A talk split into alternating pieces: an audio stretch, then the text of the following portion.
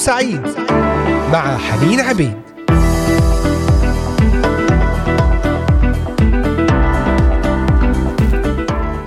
أهلا وسهلا بكم أحبائي المستمعين والمتابعين لبرنامج نهاركم سعيد من خلال إذاعة صوت الأمل من الأراضي المقدسة.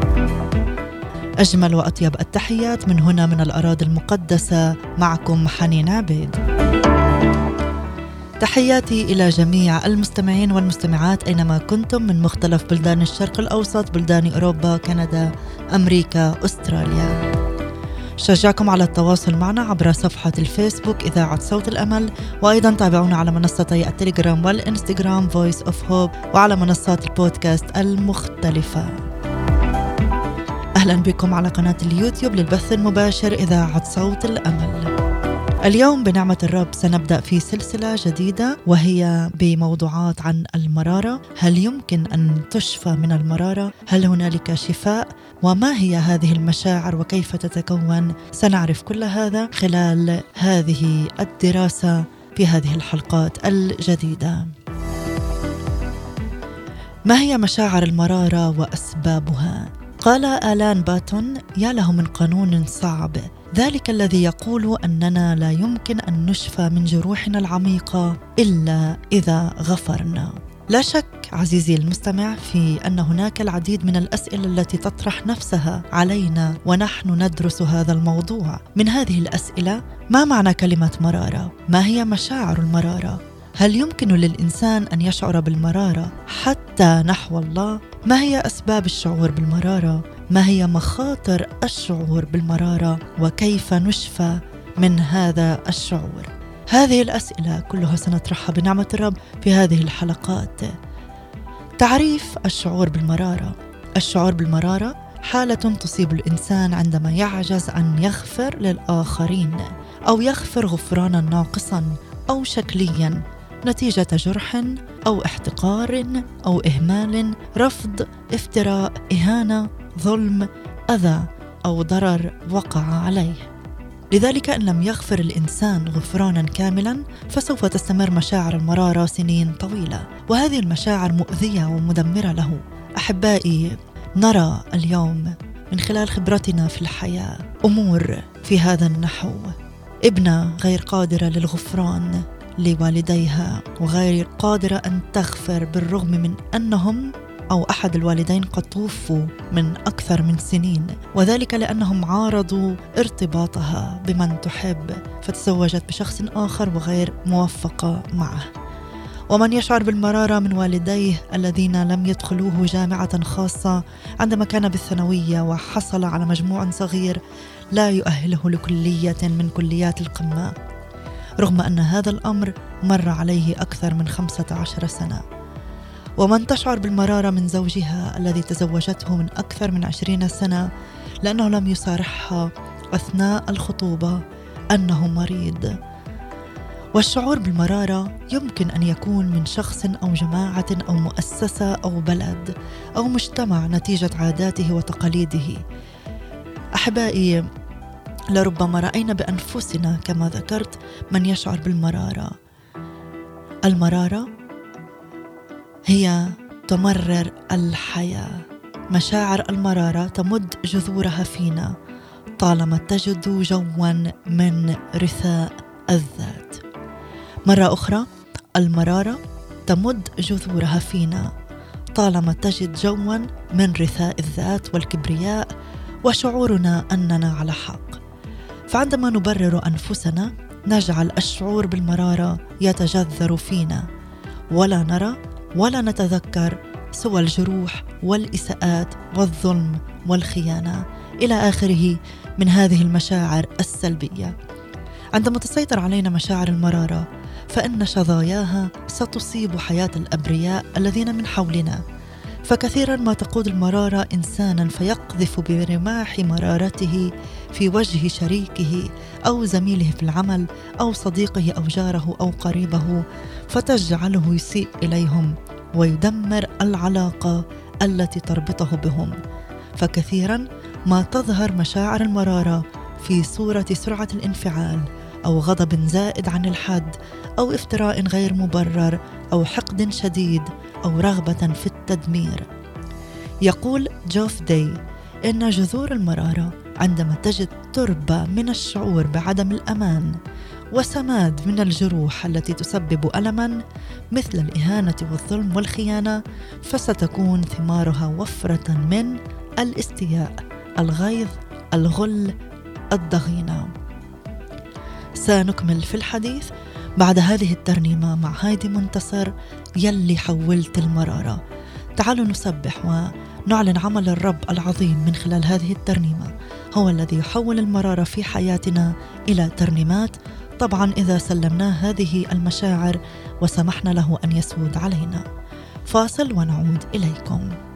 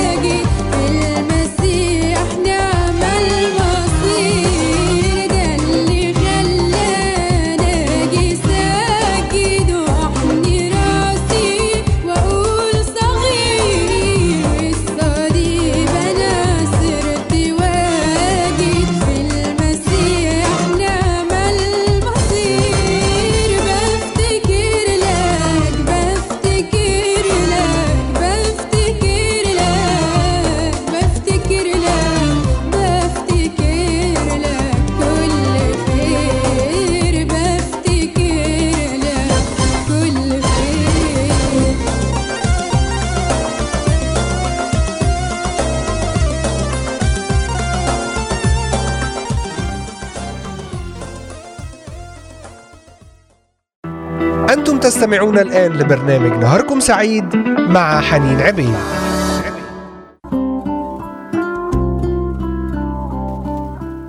عدنا إليكم أحبائي المستمعين بعد هذه الترنيمة الرائعة والمعزية مع هايدي منتصر يلي حولت المرارة. وكما ذكرت في البداية أننا سنبدأ في دراسة جديدة في حلقات برنامج نهاركم سعيد حول هل يمكن أن تشفى من مشاعر المرارة. أحبائي هناك من يشعر بالمرارة نتيجة ظلم الحياة له وهناك من يشعر بالمرارة من الله نفسه. كتب عن حنا أم صموئيل في سفر صموئيل الأول الأصحاح الأول الآية التاسعة والعاشرة. فقامت حنا بعدما أكلوا في شيلو وبعدما شربوا وعالي الكاهن جالس على الكرسي عند قائمة هيكل الرب وهي مرة النفس. فصلت إلى الرب وبكت بكاء. ويقول أيوب في سفر أيوب الأصحاح السابع الآية الحادية عشر أنا أيضا لا أمنع فمي. أتكلم بضيق روحي أشكو بمرارة نفسي. ويقول في مرة أخرى في الأصحاح العاشر قد كرهت نفسي حياتي أسيب شكواي. أتكلم في مرارة نفسي قائلا لله لا تستذنبني فهمني لماذا تخاصمني؟ أحسن عندك أن تظلم أن ترذل عمل يديك وتشرق على مشورة الأشرار وتقول نعمي. لا تدعوني نعمي بل ادعوني مرة لأن القدير قد أمرني جدا. إني ذهبت ممتلئة وأرجعني الرب فارغة لماذا تدعونني نعمي؟ والرب قد أذلني والقدير قد كسرني. هذا في سفر رعوث الأصحاح العشرين. هذه الآيات قوية تعبر عن مدى المرارة مرارة عميقة. وهذا النوع من الشعور بالمرارة من الله كثيرا ما يسيطر على من ولدوا بعيوب خلقية أو من يعانون أمراض مزمنة أو حرموا من نعمة الإنجاب أو فقدوا ابناء وأحباء في سن صغير دون سابق إنذار. بسبب لربما جلطة أو سكتة قلبية وكذلك من أصيبوا بأورام خبيثة ويتعذبون لسنين طويلة. يقول جوهان كريستوف أرنولد هناك أوقات يبدو فيها أنه لا يوجد من نلومه فيميل كثيرون منا سواء ذلك بطريقة صحيحة أو خاطئة إلى لوم الله لأنه سمح بالألم دون وجود سبب واضح أو مبرر لهذه الصعاب. وعندما نمتلئ بالغضب والألم متسائلين كيف يمكن لإله رحيم أن يسمح بهذا؟ ولكن سوف يكون تركيزنا في هذه الحلقات على مشاعر المرارة. كيف تكون مشاعر المرارة؟ كيف تنمو؟ سنتكلم في هذه الحلقات عن مشاعر المرارة من بعضنا البعض. كيف تنمو؟ مشاعر المرارة لا تتكون داخل الإنسان بين ليلة وضحاها إنما هي نتيجة ردود فعل وتفاعلات معينة داخل الإنسان مما يجعلها تأخذ بعض الوقت. ويرى علماء النفس أن الإنسان يجتاز في عدة مراحل لكي تتكون مشاعر المرارة. ولكن ليس بالضرورة أن يجتاز كل شخص في هذه المراحل وبنفس ترتيبها. وهذه المراحل هي اولا الإساءة. تبدأ بذور مشاعر المرارة عندما يتعرض الإنسان للإساءة أو الأذى أو الضرر. وقد تكون الإساءة جسدية أو عاطفية أو نفسية في مجال الأسرة أو العمل أو الصداقة. وغالبا يكون أول شعور ينتاب الإنسان سواء أدرك هذا أم لا هو الشعور بالرفض. فسواء تشعر بالغدر أو الخيانة أو خيبة الأمل أو الخداع أو الخبث فكل هذه ترتبط كثيرا بالشعور بالرفض والذي يعتبر النواة الأولى في تنمية مشاعر المرارة. لذلك من يريد أن ينتصر على مشاعر المراره عليه أن يوقف عملية النمو هذه في مراحلها الأولى. اذا أول مرحلة من مراحل المرارة أو نمو هذه المشاعر هي الإساءة. ثانيا عدم التصديق. عدم التصديق. ماذا يعني هذا؟ غالبا ما يكون رد الفعل الأول إزاء الإساءة هو عدم التصديق. وقد يصاحب هذا غضب وانفعال شديد وربما عنف بحسب حجم الإساءة. ويكون الإنسان كمن تلقى صدمة وغير قادر على التفكير والتصرف ويشعر بحيرة كبيرة وكل ما يقوله لنفسه معقول ان يفعل بي هذا الإنسان هكذا؟ لا اظن أن هذا يحدث لي من أقرب الناس إلي. وربما يصاحب ذلك عدم رغبة في الأكل أو ارتفاع في ضغط الدم أو انهيار. ويكون هذا رد الفعل بحسب حجم الصدمة. التجنب والابتعاد ثالثا أي أن إنسان يسعى لتجنب الألم وهذا ما يعرف في علم النفس بالدفاعية. وهي عبارة عن رد فعل يتخذه من يتعرض للإساءة أو التجريح أو الخيانة أو الظلم فكثيرا من تجد من يخونه أحد أصدقائه يقول لن أفتح قلبي لأحد مرة أخرى. ومن يسرقه أحد موظفيه يقول لن آمن لأي شخص آخر في حياتي. ومن تغدر به شريكته يقول لن أصدق أي أخرى بعد اليوم. وكثيرا ما تجد الإنسان يسعى لتجنب الأفكار والذكريات المؤلمة فهناك من يبتعد عن بعض الأماكن أو الناس أو الصور التي تذكره بالأذية. هناك من يتجه للجلوس طويلا أمام التلفزيون أو الكمبيوتر ومن يصل به الأمر للإدمان لكي ينسى هذه أول ثلاث أمور تنمو فيها مشاعر المرارة. سوف نكمل في بقيتها بعد هذه الترنيمة. ابقوا معنا. طول ما عينيا ليك مرفوعة يفضل قلبي بيك مرفوع. واتعب لما بحول عيني عنك وابقى في فقر وجوع. ماشي في البرية معايا. ماشي وساند ايد عليك واسمع وعدك افرح بيا ولازم يثبت فرحي فيك عمري ما دقت سعادة في قلبي ولا حسيت بسلام في حياتي إلا انت يا ربي بنسى ألامي واحتياجاتي. عمري ما دقت سعادة في قلبي ولا حسيت بسلام في حياتي إلا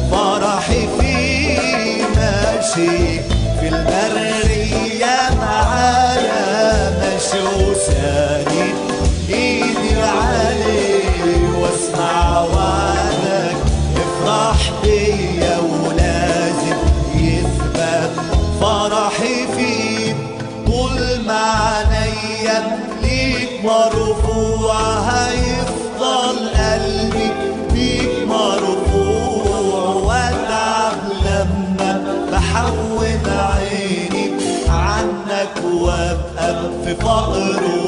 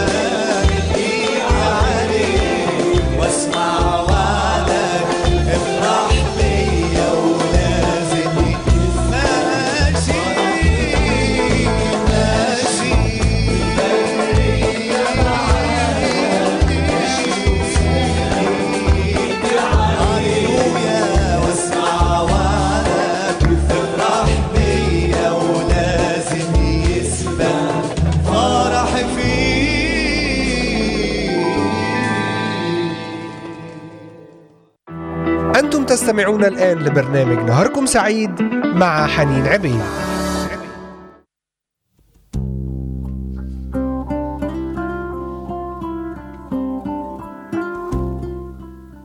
مهما يكون الحزن بقلبي مهما بعدي في ضعف وضيق ربي أنا دايما بيك مرفوع فوق الصعب معايا صديق.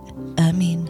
ما أجمل كلمات هذه الترنيمة وفي حديثنا في هذا اليوم ضمن السلسلة الجديدة والدراسة حول موضوع كيف يمكن أو هل يمكن أن أشفى من مشاعر المرارة هنالك بعض الأمور التي تنمي مشاعر المرارة ذكرنا ثلاثة منها الإساءة، عدم التصديق، التجنب والابتعاد، وأيضا محاولة دفن الذكريات المؤلمة.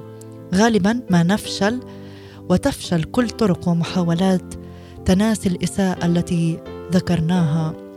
فنتيجة يتجه الإنسان إلى محاولة دفن كل ما حدث بكل ذكرياته الأليمة وغالبا ودون أن يدري فإنها تسكن في اللاشعور ويجد نفسه بين الحين والآخر يتذكر كل شيء ويشعر بالألم والأسى والمرارة.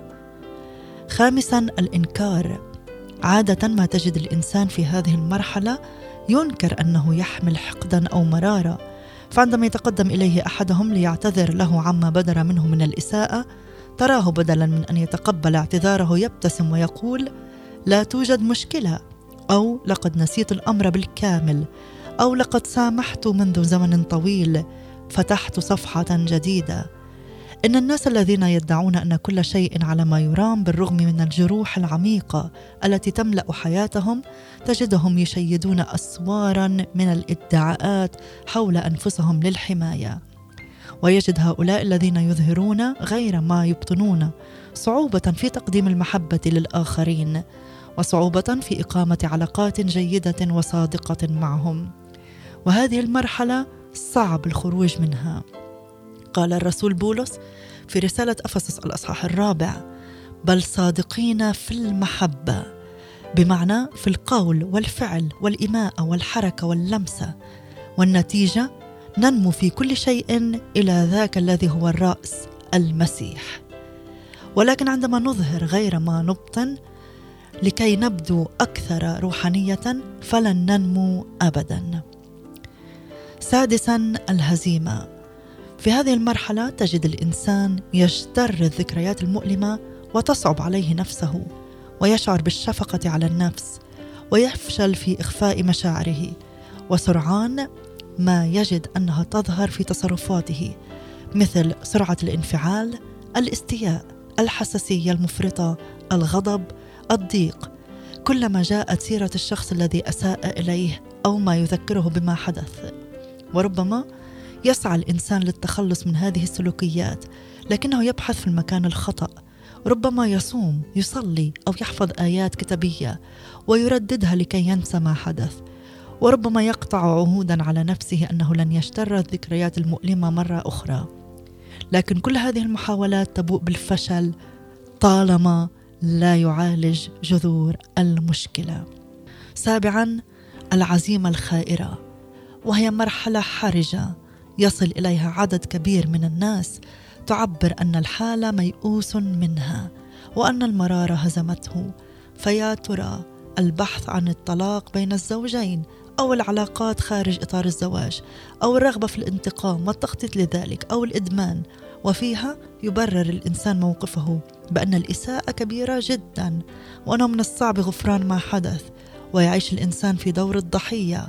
وبالطبع تلعب الكبرياء والأنانية والشعور بصغر النفس دورا كبيرا في تضخيم مشاعر المرارة والرغبة في الانتقام. في الحقيقة عندما يصل الإنسان إلى هذه المرحلة ويرفض الغفران فيكون قد اختار طريق الدمار ويكون كمن يمسك بذيل الأفعى إذ لا بد وأن يلذغ وعندما يسري سم المرارة في حياته سيدمر كل علاقاته وعلى رأسها علاقته بالرب. بعد أن تناولنا وتحدثنا عن هذه السبعة عوامل التي تنمي مشاعر المرارة سنعرف معنى كلمة مرارة بعد هذه الترنيمة. ابقوا معنا.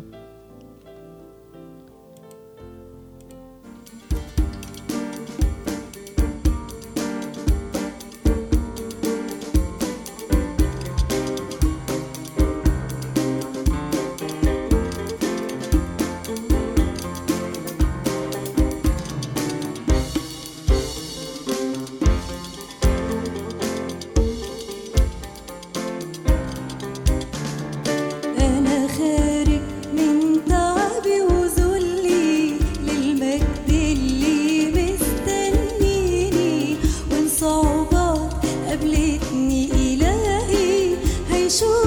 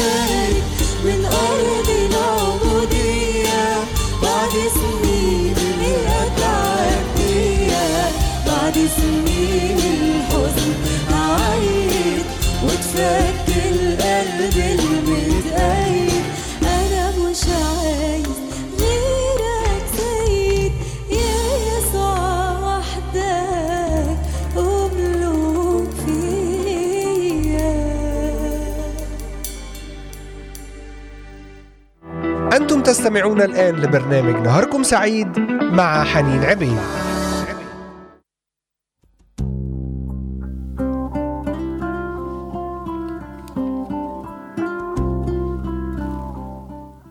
أنا مش عايز غيرك سيد يا يسوع وحدك أملك فيا.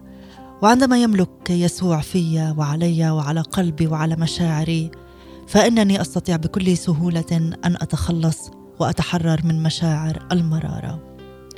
معنى كلمة مرارة في اللغة اليونانية هي بكريا وهي من المصدر تك ويعني يقتطع ومنها تشتق كلمة مسنن أو حاد. كما تفيد معنى الطعم المر وهنا نرى خطورة الشعور بالمرارة وكم هو مدمر ومؤذي لنا ولمن حولنا إذ يسلبنا سلامنا ويقطع ويهدم علاقاتنا. لذلك قال الرسول بولس ليرفع من بينكم كل مرارة وسخط وغضب وصياح وتجديف مع كل خبث وكونوا لطفاء بعضكم نحو بعض شفوقين متسامحين كما سامحكم الله أيضا في المسيح. ثم نجد كاتب الرسالة إلى العبرانيين يقول لنا اتبعوا السلام مع الجميع والقداسة التي بدونها لن يرى أحد الرب ملاحظين لئلا يخيب أحد من نعمة الله لئلا يطلع أصل مرارة ويصنع انزعاجا فيتنجس به كثيرون. وتعبير أصل مرارة له معنى عميق فهو لا يعني مرارة لنفسه فقط بل مرار يخرج من هذا الإنسان يجعله يؤذي نفسه والآخرين أيضا.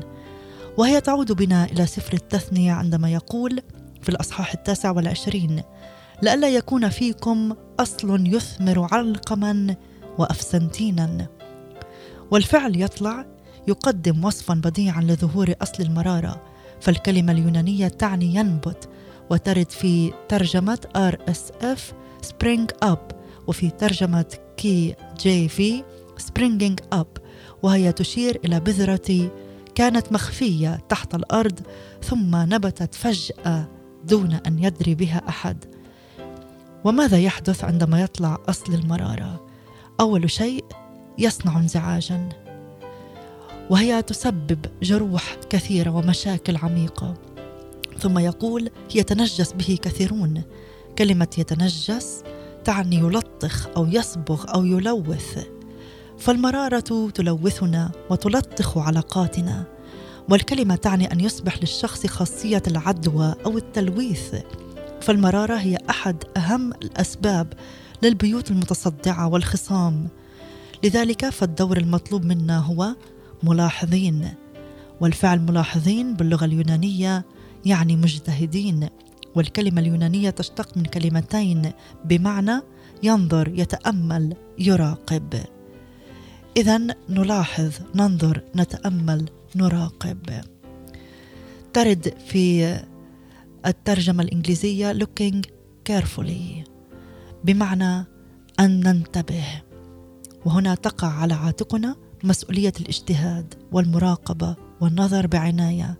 وعلينا أن نراقب أنفسنا لئلا يخيب أحد من نعمة الله. سنتابع الحديث بعد هذه الترنيمة.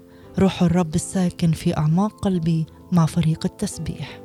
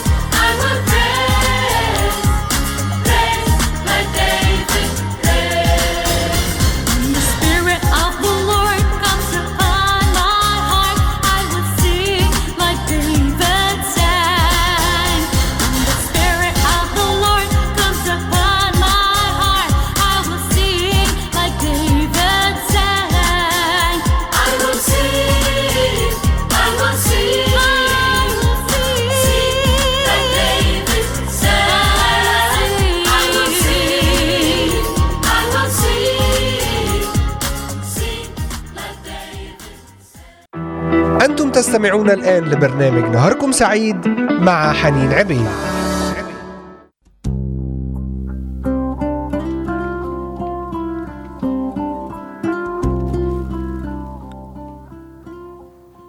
أحبائي أختتم معكم هذه الحلقة التي ابتدأنا فيها سلسلة جديدة ودراسة جديدة عن موضوع المرارة.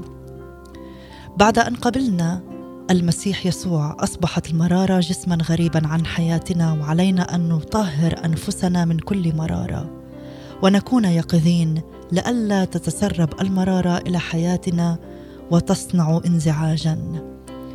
وهذه الآية مرتبطة بسابقتها الآية في رسالة يعقوب لئلا يطلع أصل مرارة وينجس كثيرين.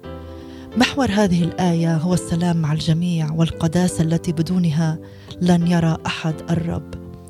مشاعر المرارة تمزق العلاقات وتحرم الإنسان من السلام وفي نفس الوقت مشاعر المرارة والقداسة لا يتفقان فهي تحرم الإنسان من النمو الروحي وتشوه علاقته بالله وتنجس حياته عزيزي المستمع وعزيزتي المستمعة كل من يحمل مشاعر مرارة في حياته. عليه أن يدرك أن هذه المشاعر ستكون مؤذية له وستجعله مؤذيا للآخرين. أدعوك في هذا الوقت وأدعوك أن تتمتعوا بحرية الغفران بدلا من أن تعيشوا مرارة أسيرين لمشاعر مرارة مدمرة وأن تدركوا أننا عندما نسامح بعضنا بعضا نحرر أنفسنا من المشاعر الهدامة. وهذا يساهم في شفائنا الجسدي ويجعلنا نتمتع بالعلاقات الصحيحة الصحية.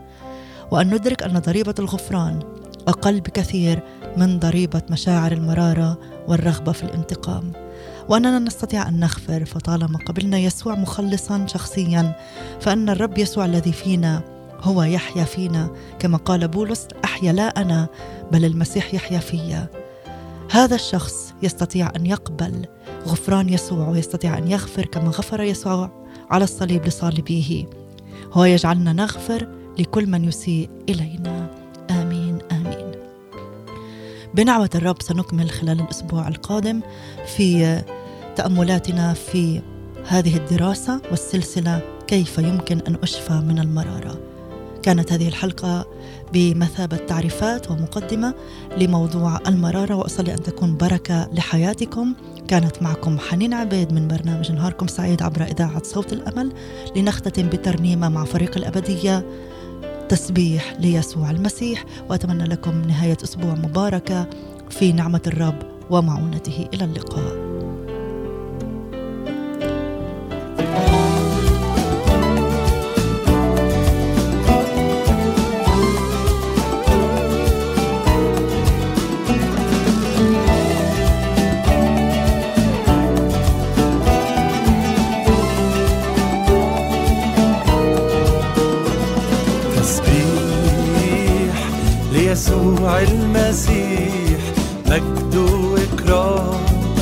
لرئيس السلام تسبيح ليسوع المسيح مجد وإكرام لرئيس السلام.